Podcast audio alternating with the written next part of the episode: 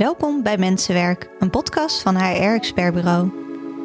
In deze podcast hebben we het iedere maand vijf dagen lang over één groot HR-thema.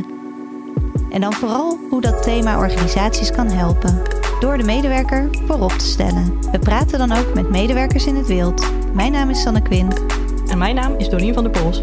En wij geloven, nee weten, dat als je HR echt inzet om je medewerkers gelukkiger te maken, organisaties daar de vruchten van plukken. Misschien als ik zou weten dat er heel veel geld voor mij beschikbaar zou zijn, dat ik misschien nog wel meer zou gaan doen. Deze maand hebben we het over het ontwikkelen van je medewerkers.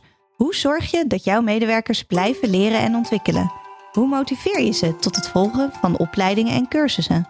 En wat doe je wanneer ze hier helemaal geen behoefte aan hebben of willen groeien in een richting die niet past bij de organisatie? Vandaag praten we over hoe je er nu voor zorgt dat ontwikkelen in je organisatie op de kaart komt en de medewerkers gemotiveerd raken om zich te ontwikkelen. En wat je absoluut niet moet doen als werkgever. Maar ik heb totaal geen zicht op hoeveel geld er voor mij specifiek beschikbaar is om het te ontwikkelen. Ontwikkeling in organisaties gaat over de mogelijkheid die medewerkers krijgen om te blijven leren en zichzelf te ontwikkelen in de functie, in de organisatie en op persoonlijk vlak. We zien veel dat de werkgever wil dat medewerkers zich ontwikkelen, de medewerker zich ook wil ontwikkelen, maar toch gebeurt er niet veel.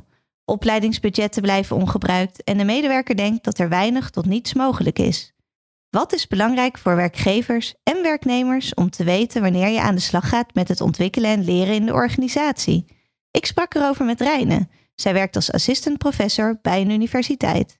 Het is in principe de bedoeling dat je elk jaar minimaal één cursus volgt. En dan kan je elk jaar kiezen of je dat meer op onderwijs of onderzoek of meer op organisatievaardigheden uh, gaat doen. En dat hangt meestal samen met jouw focus voor het komende jaar. Uh, maar die ene cursus, en dat is echt het minimum, daar, wordt, daar zijn al veel collega's die, zich daar, niet, uh, die daar niet aan komen. Dus ja, ja tijd is echt een belangrijke kwestie. Ja, want, want is het dan ook wel uh, binnen jouw uh, organisatie en binnen het vakgebied uh, de bedoeling dat je cursus en opleiding in eigen tijd eigenlijk doet, in plaats van in onderwerktijd? Dat zouden ze niet willen zeggen, maar meestal is het wel de, de, de, het gevolg. Ja, in de praktijk is het wel zo dat je vaak in je eigen tijd de cursussen volgt. Reine moet dus haar opleidingen vaak in haar eigen tijd doen. Bovendien had ze toen ze begon met werken bij haar werkgever geen zicht op welke mogelijkheden er zijn voor ontwikkeling. Dat werkt demotiverend. Ik zie dat dit vaker het geval is bij organisaties. Is er een budget per medewerker? Wanneer kun je hierom vragen? En hoe reageert een leidinggevende hierop? Mag ik dit onder werk doen of moet het in de avonturen? Maar stel nou, bij jou zit het goed. Een medewerker komt vol enthousiasme vragen naar de opleidingsmogelijkheden. Je denkt mee over een leervraag geeft een ja op ontwikkeling. So far, so good. Dan zie je vaak dat organisaties met een lijst met voorwaarden komen, zoals een terugbetalingsregeling of studiekostenbeding. Bij Reine is dat niet zo. Ze vertelt hoe dat voor haar is. Ik vind dat heel veel uh, vertrouwen uitstralen en ik vind dat ook eigenlijk heel goed. Um, het, zorgt ook voor dat ik me weer verbonden voel met de organisatie. Het maakt me ook trots op mijn organisatie als ik een, cursus heb gevolgd, bijvoorbeeld, die. Uh, nou, die ook landelijk goed bekend staat. En dat ik dan vervolgens kan zeggen, nou, deze cursus heb ik aan universiteit gevolgd. En deze specifieke universiteit. En uh, nou, dat zorgt toch voor een sterk gevoel van verbondenheid aan mijn werkgever, denk ik. Een veelgenoemd argument om ontwikkeling tegen te houden of hier wel voorwaarden aan te verbinden is, anders verlaat een medewerker de organisatie. Maar bekijk het vanuit het perspectief van de medewerker. Kunnen zij zich ontwikkelen zonder voorwaarden, dan zorg je er juist voor dat de medewerkersbeleving positief wordt beïnvloed. Je creëert een ambassadeur van de organisatie die graag bij je blijft werken. Daarnaast worden de kosten voor een studieovereenkomst meestal wel overgenomen door de nieuwe werkgever. En bedenk je, je wilt toch niet dat de medewerker enkel en alleen bij jou blijft werken vanwege een studieovereenkomst?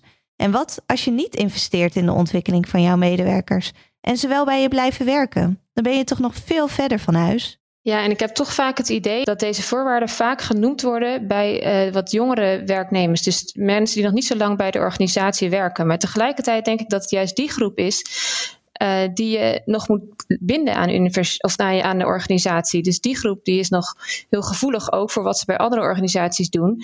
Dus ik denk dat het juist heel belangrijk is, inderdaad, wat je zegt, om deze groep te motiveren om zich te ontwikkelen zonder voorwaarden. Want aan deze groep gaat juist nog heel veel getrokken worden. En die mensen die al veel langer er blijven werken, die hebben. En daar wordt minder snel aan getrokken, denk ik. En die vinden het zelf minder interessant misschien om ergens anders te werken, omdat ze zich al zo verbonden voelen. Reine zegt dat juist in jonge medewerkers geïnvesteerd moet worden om ze te binden aan je organisatie. Doe dat dan ook doorlopend. Bij alle werknemers trouwens, jong of oud. Mijn ervaring is dat eenmalig zeggen dat je als werkgever ontwikkelen belangrijk vindt niet voldoende is. Stimuleer ontwikkeling actief door samen met je medewerker een ontwikkelvraag op te stellen. Zorg dat er een budget per persoon beschikbaar is en zoek samen naar een cursus die past bij de ontwikkelvraag en het budget.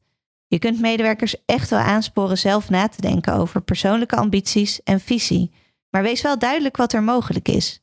Als iemand terugkomt met een opleiding van 10.000 euro terwijl je maar een budget hebt voor 1000 euro, is dat zonde van de tijd. Mijn eigen ervaring. Ik, me, ik kan me herinneren dat ik me als PhD-student jaren geleden had aangemeld voor een kennelijk hele dure programmeercursus. En ik werd vervolgens teruggeroepen omdat, wel heel veel, omdat het wel heel veel geld zou kosten en dit niet in mijn budget paste.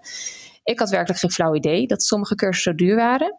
Het gevolg was wel dat ik me niet meer aanmeldde voor potentieel dure cursussen. Dus ja, ik herken inderdaad wat je zegt, dat dit vreselijk demotiverend werkt. Terugkomend op het stimuleren van ontwikkelen, zorg dus dat je heel duidelijk zegt wat er kan.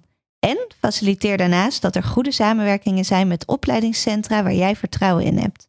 Benoem dat er geen voorwaarden zijn en breng het echt als een cadeautje van de werkgever.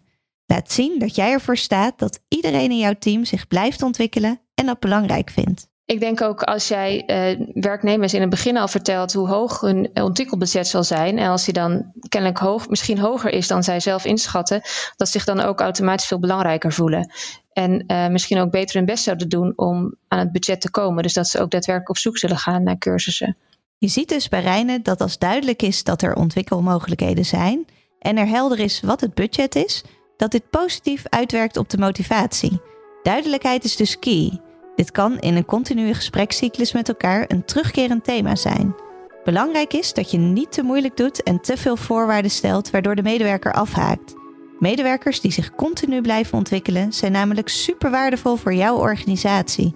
Kortom, schaf voor eens en voor altijd een studieovereenkomst af, want ontwikkeling stimuleren onder allerhande voorwaarden, dat kan echt niet meer.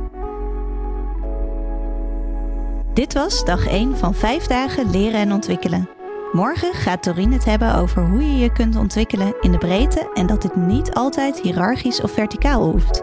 Je kan deze en alle andere afleveringen van Mensenwerk terugvinden in jouw favoriete podcast-app.